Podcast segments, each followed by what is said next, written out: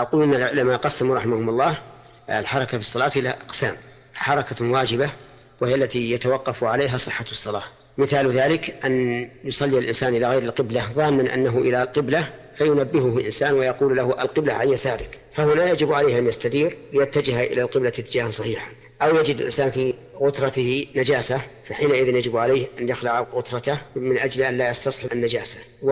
وكذلك أيضا من الحركة الواجبة لو أن الإنسان يصلي معه واحد خلف الإمام ثم إن هذا الواحد انتقض وضوءه وانصرف فإنه يجب على هذا أن يتقدم ليكون مع الإمام. والضابط أن كل حركة تتوقف عليها صحة الصلاة فهي واجبة. القسم الثاني حركة مستحبة وهي التي يتوقف عليها فعل مستحب في الصلاة.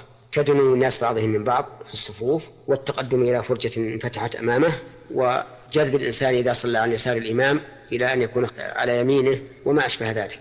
القسم الثالث الحركة المكروهة وهي الحركة اليسيرة بغير حاجة مثل أن يفرقع الإنسان أصابع يديه أو رجليه أو يصلح شماغه أو مسلحه أو عقاره أو أشياء ليس له حاجة فيها فهذه حركة مكروهة. القسم الرابع الحركة المحرمة وهي الحركة المنافية للصلاة إما لكونها لا تليق إطلاقا في الصلاة كالضحك وما أشبهه وإما أن تكون كثيرة متوالية عرفا يعني كثيرا متوالية يتبع بعضها بعضا والكثرة هنا مرجعها إلى العرف فهذه محرمة وتبطل الصلاة. القسم الخامس المباح وهو ما سوى ذلك مثل أن يحتاج الإنسان إلى إصلاح غترته لكونها مثلا انخلعت بعض الشيء تشغله في صلاته أو ما أشبه هذا. ومثل أيضا أن يصيبه حكة فلا تبرد عليه إلا بالحك فهذه أيضا جائزة ولا بأس بها لأنها حركة لحاجة. هذه أقسام خمسة للحركات في الصلاة.